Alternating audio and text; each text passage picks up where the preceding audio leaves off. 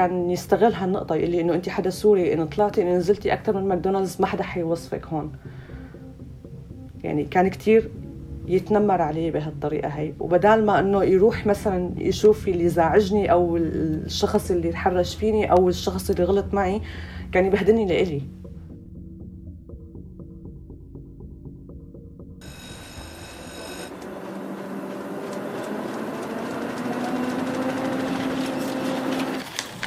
عنب بلدي. بودكاست.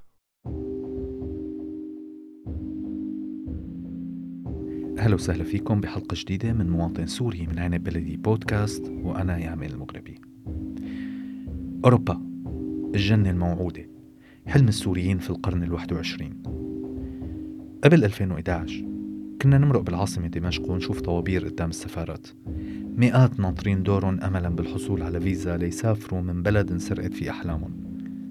ومع تحول الثورة لحرب أكلت الأخضر واليابس وفرض النزوح واللجوء على السوريين صار الآلاف منا بأوروبا أملا بحياة أفضل. وتخيل البعض أنه أوروبا هي الجنة اللي رح تحقق فيها أحلامك بدون أي مناقصات وللأسف هذا الشيء مو صحيح بشكل كامل. آلاء صبية عمرها 30 سنة بتشتغل بالتمريض. سوريا عايشة حاليا بألمانيا يلي وصلت عليها عام 2015 بعد رحلة صعبة. فكرت كمان إنه الحياة هنيك رح تكون سهلة. بس اللي صار هو العكس تماما.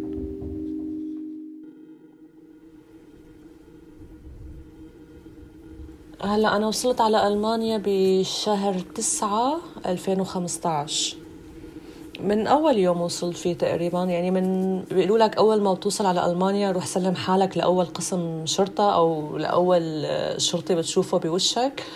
يعني رحنا عملنا هذا الشيء لأنه أنا نوعا ما إجيت على ألمانيا لحالي يعني كنت بنت مع ثلاث شباب فوقت وصلنا لهون وصلنا على قرية كتير على الحدود تبع النمسا تقريبا. أول قرية ألمانية حطنا فيها وقت المهرب وراح. فنزلنا بطريق مقطوع ما في بني آدم الساعة ثلاثة وش الصبح. الدنيا مطر وبرد وما معنا أواعي حتى شتوية. وضلينا عم نمشي تقريبا فوق العشر ساعات لحد ما طلع الضوء وصار هيك نص نهار ونحن هيك إنه عم نحاول نلاقي قسم شرطة إنه نروح نسلم حالنا فيه. فهيك لحد ما مر ونحن ماشيين يعني مرقت سيارة شرطة فنحن آخر شيء وقفناها إنه إنه خليها توقف لنا السيارة وهيك صرنا نعيط وهيك نرفع إيدينا إنه مشان يوقفوا فوقفت وقتها السيارة وأخذونا على قسم الشرطة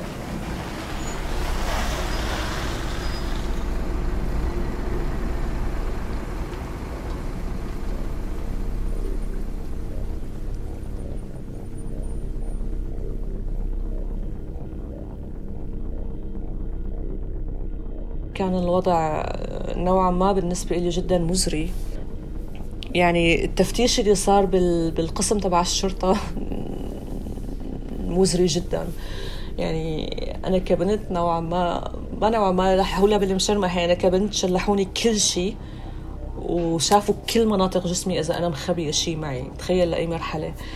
يعني هي كانت أول ما بيقولوا لك إنه أنت بتوصل وكل أمورك بتزبط ابدا ما في أنت بتوصل وكل أمورك بتزبط. أنت بتوصل وكل أمورك بقى ببلشوا يطلعوا فيك على إنك أنت جاية من دولة عربية من خلفية إسلامية إرهابية وأنت جاية تعمل شيء هون لحد ما أنت تثبت العكس طبعا. هي هي التهمه لازقتك لحد ما أنت مثلا تورجيهم إنه لا أنا مالي هيك.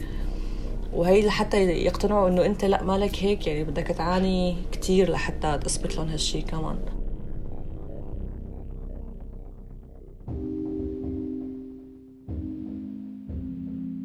كانت آلاء عايشة بتركيا وكانت حياتها صعبة مثل مثل آلاف السوريين. ومثل مثل آلاف السوريين كمان صور لها البعض بألمانيا أنه الحياة ولا أسهل من هيك. وبعد يلي تعرضت له بقسم الشرطة بعت البوليس على محطة القطار وحجزوا له ticket لتروح على مدينة ميونخ. وهنيك بميونخ بمحطة القطار. حكوا لها رفقاتها إنه تروح على مدينة اسمها نويمستر بشمال ألمانيا على أساس إنه اللجوء هنيك ممكن يكون أفضل. وهنيك بهديك المدينة ودوهم على كامب تاني للاجئين.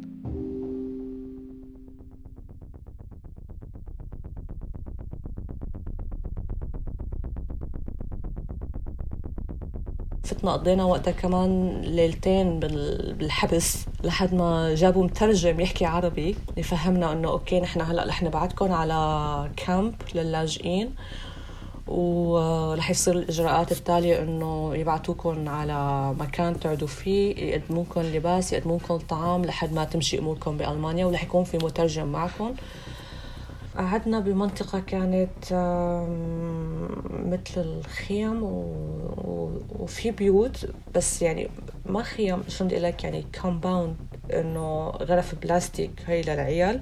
والسكن كان عبارة عن مدرسة قديمة ومقسمين الغرف اللي جواته حاطين فيهم فرشات على الأرض.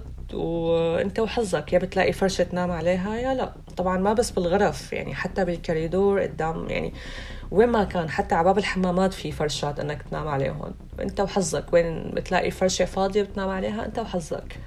هاي للعالم اللي ما متزوجة. العالم المتزوجة ومعها عيال وهالشغلات هاي كان نوعا ما محظوظة إنه يطلع لها غرف من هدول الكومباوندات الصغيرة اللي هيك إنه غرفة وحمام مع بعض. والمطبخ يعني كان كانوا يقدموا ثلاث وجبات باليوم هن إنه وقت الوجبات معروف الصبح والظهر والمساء انه العشاء وهيك كان الوضع. لحد ما يمشوا أمورك ويبعتوك على كامب تاني يفرزوا على كامب تاني يعني. هذا الكامب منه يا يعني يا بتضل فيه يا أما كمان برجع بفرزوك على سكن أنت وحظك كمان هذا السكن وين بيكون. وطبعا بنفس الوقت أنت أمورك بال... بتقديم اللجوء ماشية هون. إيه فقعدت بهذا الكامب تقريبا شهرين ونص. وكان الوضع جدا مزري. حمام ما فيك تتحمم نظافة شخصية ما يعني ما فيك تتطلب كتير إنك تحاول إنك تتحمم مثلا مرة بالأسبوع. كان الحمام عبارة عن آه شلون بدي أشرح لك إياها ما بعرف بس يعني بالشهر كنت أتحمم مرتين. يعني ما بعرف شلون بدي أشرح أكثر من هيك. هلأ أول أول كامب قعدت فيه قلت لك يمكن شغلت شهرين ونص بعدين نقلوني على كامب تاني ببوشتد هذا الكامب كان سكنة عسكرية وما زال سكنة عسكرية بس يعني قسم منه حطوا فيه لاجئين. فوقتها قعدت بغرفة مع شاب يعني هنا نوعا ما ما يعني ما راعوا هاي القصة. قعدوني بغرفة مع الشاب بعد منا نقلوني على بيت لحالي. هو مو بيت هو استديو فعليا. غرفة وفيها حمام ومطبخ بس هاي الغرفة ما فيها ولا شباك فيها بس باب. وكان فيها حيطة معفن. بس يعني مقارنة بكل شيء كنت قاعدة فيه قبل ما أوصل لهي الغرفة كانت الغرفة هي عبارة عن مملكة بالنسبة لي. وعن جد كنت كتير مبسوطة إنه عندي هالغرفة لحالي. هون هون بقى يعني بلشت إنه بحطوك بمرحلة إنه هون بدك تبلش أنت تعتمد على حالك وتوقف على رجليك. وابتداء من هاي المرحلة هون بلشت كل الصعوبات الحقيقية اللي بدي بدي بدي واجهها بقى. أقرب سوبر ماركت بعيد عني تقريبا 15 كيلو متر وما كان عندي لا سيارة ولا بسكليت إني روح. فكنت أضطر إني روح مشي. كنت ما بعرف حدا حتى حوالي ما لحالي هونيك. فكنت أضطر إني روح مشي جيب أغراضي وارجع مشي.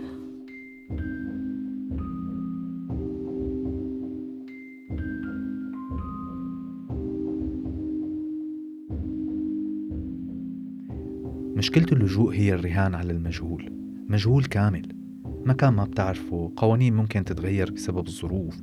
حظ سيء تنامي موجات العنصرية واليمين المتطرف.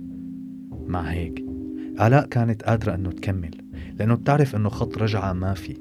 وهي النقطة لحالها كانت كافية برغم الصعوبات يلي واجهتها ورح تواجهها.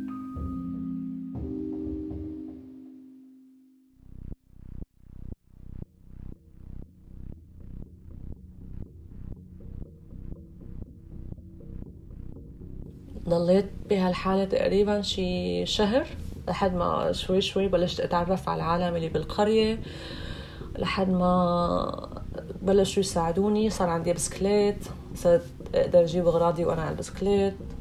بس كانت اللغة أكبر مشكلة بيني وبين أي شخص بألمانيا. يعني كان في كلمة يقولوها هون إنه إنه يقولوا إنه بما معناه إنه الغريب عنهم هو شخص ما له منيح اللي هي كلمة Scheiß Ausländer. فمرة من المرات حدا قال لي إياها بوشي فأنا فكرته عم يقول لي صباح الخير إنه قال لي إياها فرجعت قلت له إياها وأنا بضحك ورفعت إيدي بما معناه إنه okay وانت انه إنه شكرا أنا هيك حسيت إنه هو قال لي Scheiß Ausländer؟ قلت له ja Scheiß Ausländer إنه إيه okay مزبوط. فبعد فترة بستوعب إنه هو كان عم يسبني وأنا عم بتقبلها بصدر رحب حتى. هلأ دروس اللغة ابدا ما ما كانت آه، متوفرة لإلي بسهولة يعني. أنا اللغة تبعي بلشت فيها كتير متأخرة لأنه أنا صار عندي مشكلة بإقامتي. ضليت سنة تقريبا بوراء التمديد كل ست شهور روح مدد إقامتي وكان عندي كان لأنه جوازي وهويتي حطتهم عند حدا من رفقاتي بتركيا. وبعت لي إياهم وضاعوا وهون بدهم إثبات شخصية. فعلقت بمشكلة إلى أول ما لآخر يعني حتى إقامتي تأجلت كورسات اللغة تأجلت ضليت سنة بس عم حاول إني حتى أشتغل ما فيني أشتغل. يعني ما, ما فيني أعمل شيء بس كنت عم استنى لمدة سنة. لمدة سنة يعني ما عدا فترة الكامب اللي من قبل مدة سنة من دون ولا كورس لغة ولا شيء تقريبا سنة وست شهور. عم حاول لاقي بهاي الفترة تبع كورسات اللغة هي كانت تقريبا شي فترة سنة ونص كمان ما كانت سهلة. كان هون ما رح أقول عنها حرب بس كان إنك إنك تندمج بالمجتمع اللي حواليك من الطرفين من الطرف السوري حتى ومن الطرف الألماني ما كان شيء سهل أبدا يعني لأنه الطرف السوري كانوا شايفيني عبارة عن بنت لحالي مالي متزوجة عايشة بستايلي الخاص بجوي الخاص. ما في عيلة معي ما في رجال قائم علي ما في حدا حوالي من عيلتي. فنوعا ما هذا الشيء لهم خارج عن نطاق المعروف وكان ما يقربوا علي ولا يعني كنت أسمع إنه هن يحكوا علي كثير وما يقربوا علي ولا حتى يقولوا لي مرحبا. ومن الطرف الألماني كان نفس الشيء إنه أنا مثلا جاي من سوريا من بلاد العدم. وجايه عم جاي أخذ لهم حياتهم. هن هيك برأيهم إنه أنت جاي تاخذ حياتنا أنت جاي تستغلنا وتعمل اللي بدك إياه. فهون كان بقى نوعا ما كتير صعب إني كون صداقة حتى إن كان بين مجتمعنا العربي ولا مجتمعنا الألماني. كانت ابدا ما ما شغلة سهلة إنه لاقي شخص أقول له مرحبا من دون ما يكون عم يفكر فيني بطريقة غلط أو حدا ألماني يقول له مرحبا من دون ما يسألني مثلا إنه انت عن جد إجيتي على ألمانيا بجمل؟ أنا انسالت هذا السؤال للأسف.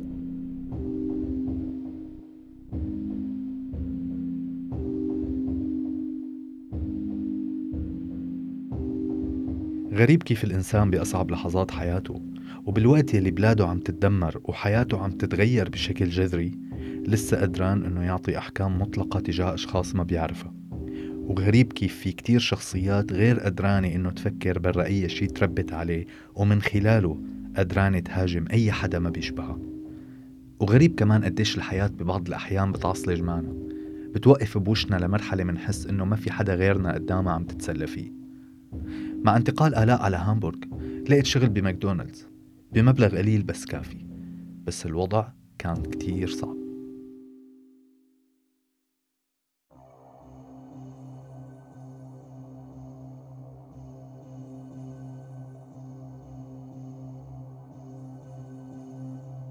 الخطوة اللي بعدها إنه آه، أنا بالأساس ممرضة ممرضة عمليات يعني. بشتغل مساعد تمريض أو مساعد آه، جراح بغرف العمليات وهيك.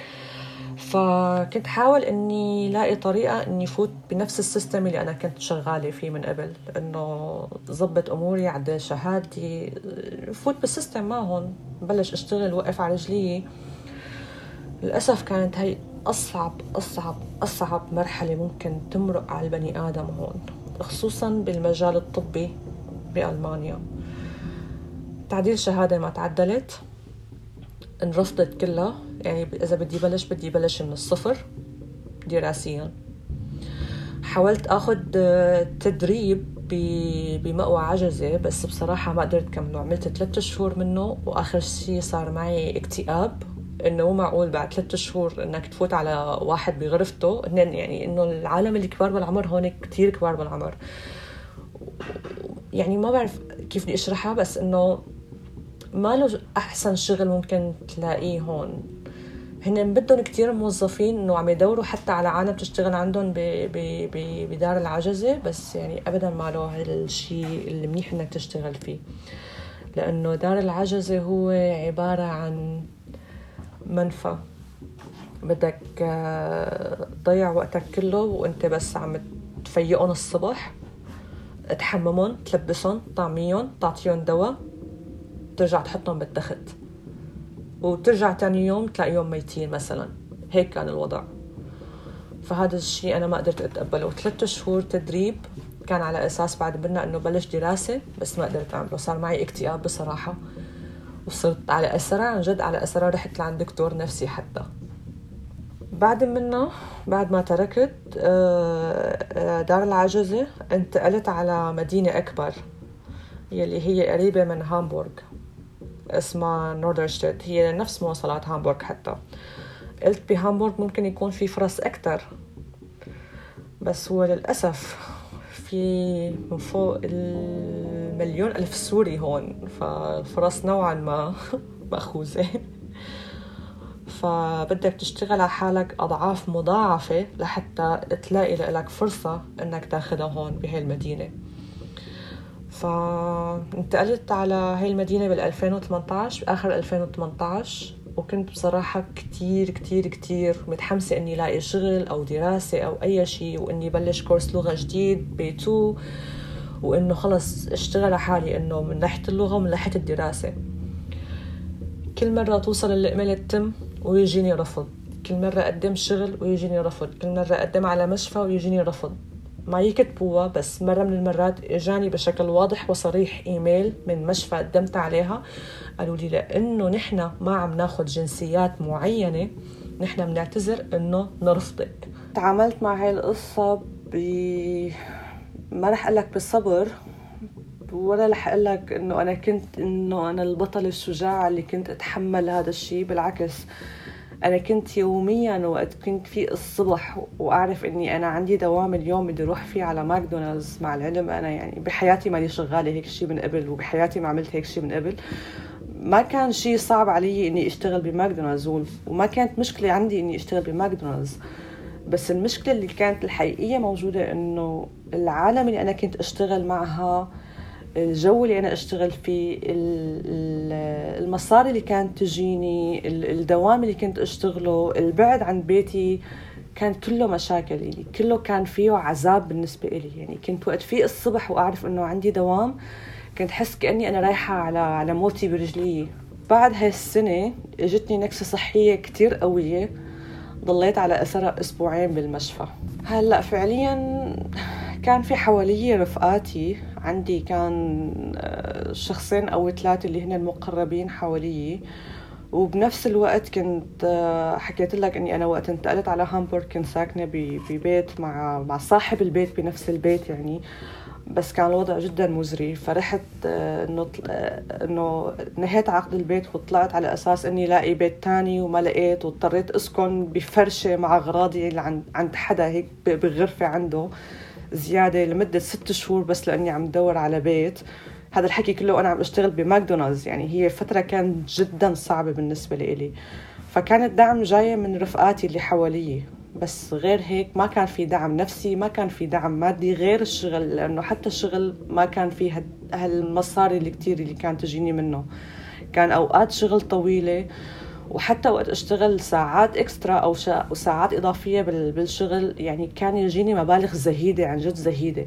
أحيانا توصل فيني إني أشتغل 12 و13 ساعة مشان آخر الشيء يوصلني تقريبا 30 أو 40 يورو زيادة على راتبي يلي هو بصراحة يعتبر لا شيء أصلا.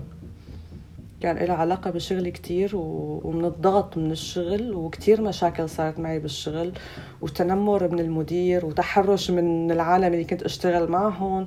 وقت كنت أعصب وعيط واقول لهم إنه أنا ما بيمشي الحال إني أعمل هيك أو أو إنه أسكت عن شخص هيك عم يعمل أو أو أو أو يعني يصير كثير مشاكل بيني وبينهم.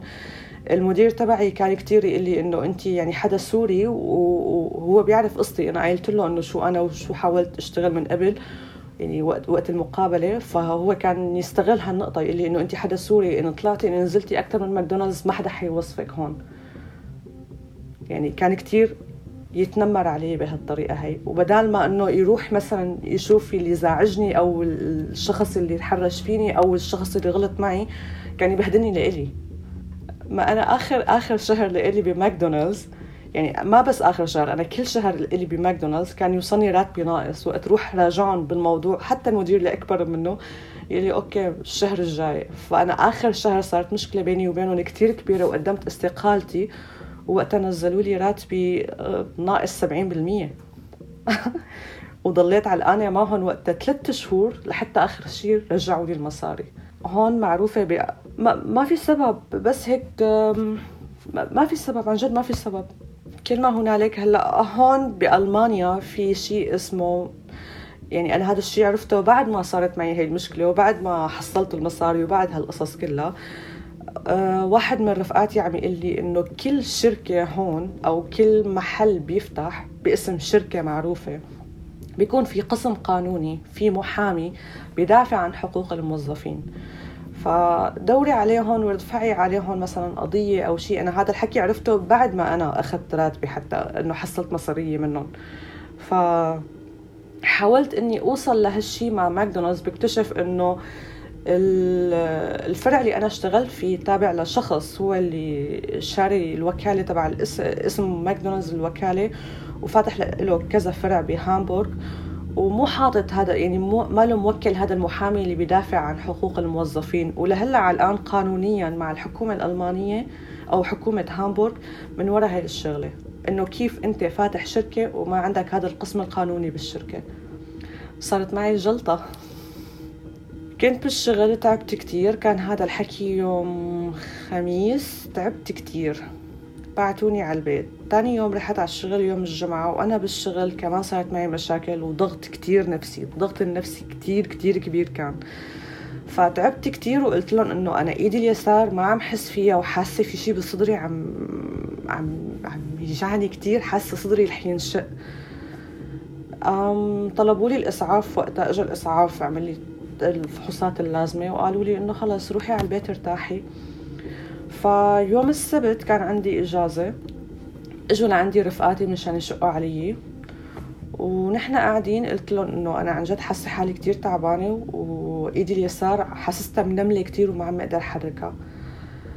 وما عم أقدر أتنفس منيح. قالوا لي إيه وفتحوا الشباك وغيروا وضعية القعدة ودقوا لرفيقنا دكتور وحكوا معه. هن عم يحكوا هيك فصرت أقول لهم أنا بدي أقول لهم إنه أنا رجلي ما تقدر أتحركها وبدي أقول لهم إنه أنا وشي عم حاول أحكي بس أنا حتى حكي ما عم أقدر أحكي. هن عم يطلعوا فيني عم, عم واحد عم يقول له للثاني إنه اتصل بالإسعاف هي اجتها جلطه وأنا ما عم أقدر أحكي ولا عم أقدر أتنفس كان كان جدا موقف مزري بالنسبة لي كان عم حاول احكي وصوتي لساني ما عم أقدر حركه ووشي ما حسيت فيه ونزل وشي وقسم اليسار بجسمي ما عاد حسيت فيه ولا عاد اتحرك وقتها طلبوا الإسعاف أخذوني على المشفى. كان كان عن جد وقت وقتها كثير شيء صعب علي. ضليت أسبوعين بالمشفى. الحكومة الألمانية. هلا هلا أول ما بتجي لهون الحكومة الألمانية فورا بتعمل تأمين صحي لكل اللاجئين. فأنا بالأساس وقت بلشت يعني حتى وقت بتكون الحكومة الألمانية لسه مسؤولة عنك وعم تعطيك مساعدات فهي بنفس الوقت بتغطي التأمين الصحي تبعك. فوقت أنا كنت عم اشتغل بماكدونالدز كنت أنا وقت اشتغل كمان غطيت مصاريف التأمين الصحي تبعي. فوقت فت على المشفى كنت already يعني إنه مغطيتهم لمصاريفي. بعد ما طلعت من المشفى أنا كنت متخانقة بالشغل معهم ومقدمة استقالتي. مقدمة استقالتي بنفس الشهر يلي يفترض إنه عقدي يخلص فيه. قدمت استقالتي قبل 12 يوم من ما ينتهي عقدي. هي علقتني بمشكلة تانية إلى أول ما لآخر مع الجوب سنتر. إذا ما في سبب واضح وصريح إني أقدم استقالتي ما بصير إني أنا أعمل هاي الحركة من دون ما أخبرهم أعطيهم السبب وبنفس الوقت أنا خبرتهم قلت لهم إنه أنا بدي أقدم استقالتي بس رفضوا. هن فكروا إنه أنا بدي أقدم استقالتي مشان أرجع أخذ مساعدات من الحكومة أو شيء فأجتني مخالفة لمدة ثلاثة شهور. من دون أجار بيت ومن دون أي مصاري. طبعا هدول الثلاث شهور مرقوا ب لبين ما بعثت لهم التقارير الصحية لبين ما بعثت لهم كل شيء أنا كتابيا يعني بيني وبين ال Jobcenter كان بهالفترة ثلاث شهور بعثوا لي إنه okay انت قدمتي استقالتك ثلاث شهور عليكي آه، مخالفة. رجعت بعد الطعن بالقرار. رجعت بعثوا لي رد إنه لا بدنا كشف حسابك. رجعت بعث لهم كشف الحساب إنه لا أنا كنت عم أشتغل. رجعوا بعثوا لي إنه قدمي تقرير لكذا. فبين ما أنا بعثت لهم وهن بعثوا لي وأنا بعثت لهم هي فتره ثلاث شهور بس أنا already خالفوني ثلاث شهور من قبل ما يصير هالطعن وما الطعن. بين ما حد ما فهموا هذا الشيء كله هن كانوا already عم يماطلوا لخلصت فترة ثلاث شهور. بس خلصت فترة ثلاث شهور وصار عندهم كل الورقيات الكاملة وكل أسباب الطعن وكل شيء. وقتها هون رجعوا دفعوا لي مصاري. الثلاث شهور اللي راحوا وكملوا معي. بس بهالثلاث شهور كنت أنا هون كتير مهددة إني أطلع من البيت بسبب صاحب البيت وقتها عم يقول لي وين الأجار. و... وكمان ما فيني أقول لصاحب البيت إنه أنا متخالفة حاليا إنه ما معي مصاري. لأني هلا بمشكلة أكبر من اللي أنا فيها. كان كله معقد وخصوصا كمان كنت طالعة من المشفى ووضعي الصحي كان كتير زبالة. فما بتتخيل قديش كان كله معقد مع بعضه.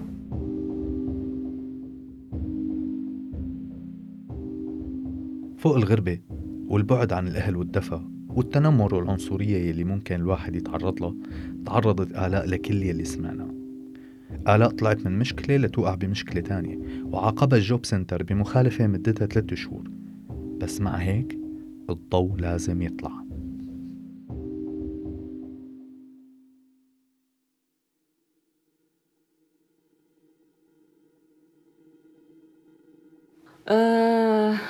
بعد ما بعثوا لي مصاري ال Jobcenter وحلوا لي القصة إنه صار عندهم كل التقارير تبعي وحلوا القصة وبعتوا مصاري دفعت أجار البيت وكل شيء بنفس الوقت جتني موافقة الكورس تبع اللغة.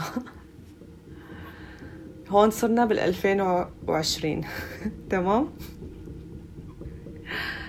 إجتني موافقة كورس اللغة رحت سجلت. شهر واحد اجتني موافقة كورس اللغة. سجلت بشهر اثنين. بين ما لقيت مدرسة وافقوا علي. بشهر ثلاثة ب 23 ثلاثة ببلش الدوام يفترض. welcome to corona life سكرت المدرسة. يعني بعد ما قلت إنه خلص okay إجاني كورس اللغة صار فيني هلأ أخلص أقل شيء اللغة تبعي. يعني إنه أشتغل على حالي بشيء سكرت المدارس وسكرت ألمانيا كلها. بما إنه أنا كنت دارسه تمريض بسوريا كان عندي زميل بالشغل بماكدونالدز بيشتغل هو بالأساس دارس كمان IT. بعد ما خلص شغله بماكدونالدز ضلينا على تواصل أنا وياه. مر مرات عم يحكي لي إنه راح على عيادة تجميلية عم يظبط ال system عندهم بالكمبيوترات وهيك. قال لي إنه سألوني إذا بيعرفوا حدا إذا بعرف حدا بيشتغل تمريض أو مساعد جراح أو شيء لأنهم بدهم عالم بالعيادة. وتواصل معي وجاب لي الرقم هذا الحكي كان بشهر 9 2019 أه تواصل معي وقال لي احكي معهم ما بتعرفي شو ممكن إنه تلاقي شغل عندهم أو شيء بعد منه بشهر عشرة مشاكل بالشغل فت على المشفى شهر 11 12 رحت اتصل فيهم بشهر 11 يا الله ورحت عملت مقابلة معهم. بآخر شهر 11 قال لي الدكتور وقتها إنه إذا بتحبي تعي جربي يومين ثلاثة ممكن إنه نحن نشوف شو شغلك وانت تشوفي شو الوضع عنا. ففعلا آه، رحت داومت يومين ثلاثة بس هذا الحكي يعني ما كان أصلا ورقيات كان كله بس كلام بكلام بشهر 12 كانوا هالثلاث أيام كمان. بشهر 12 كمان إجت فترة الأعياد وهيك بشهر واحد إجتني الموافقة على الكورس. هو ما اجاني والدكتور وقتها ما خبرني ولا رد لي أي خبر ولا قال لي إنه okay. وأنا وقتها قلت لهم إنه أنا مهتمة بالشغل ووقتها ما إجاني الخبر أنا قلت أكيد يعني أنا متوقعة الرد الرفض. سجلت بالمدرسة سكرت كورونا لايف. بعد تقريبا بنص شهر خمسة كمان كان لسه كله مسكر بتواصل معي الدكتور بيقول لي آه، انت لسه حابة تشتغلي؟ أنا كنت بهاي الفترة تقريبا يعني كنت عم دور على مخرج من إني ما أقعد بالبيت.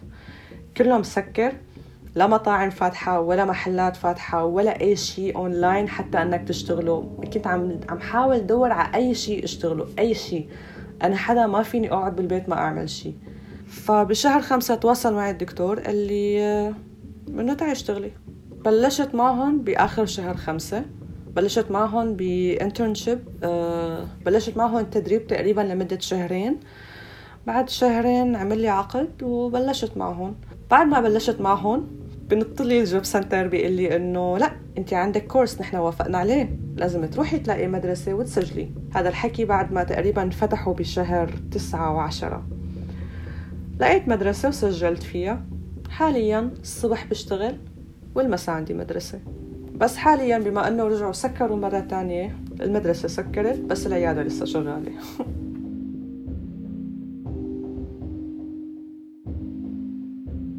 آلاء انتصرت. انتصرت على المرض وعلى الحظ السيء ونجحت بأنه تشتغل بمجالها لأنه منقدر ولأنه ما بصير نستسلم. الموت يلي عم ينفرض علينا مو بالضروري يكون الموت يلي كلياتنا بنعرفه. اليأس موت العنصرية موت التحرش موت. بس نحن أقوى ورح يطلع الضوء إذا مو اليوم بكرة. كان معكم مواطن سوري من عنب بلدي بودكاست وأنا يامل المغرب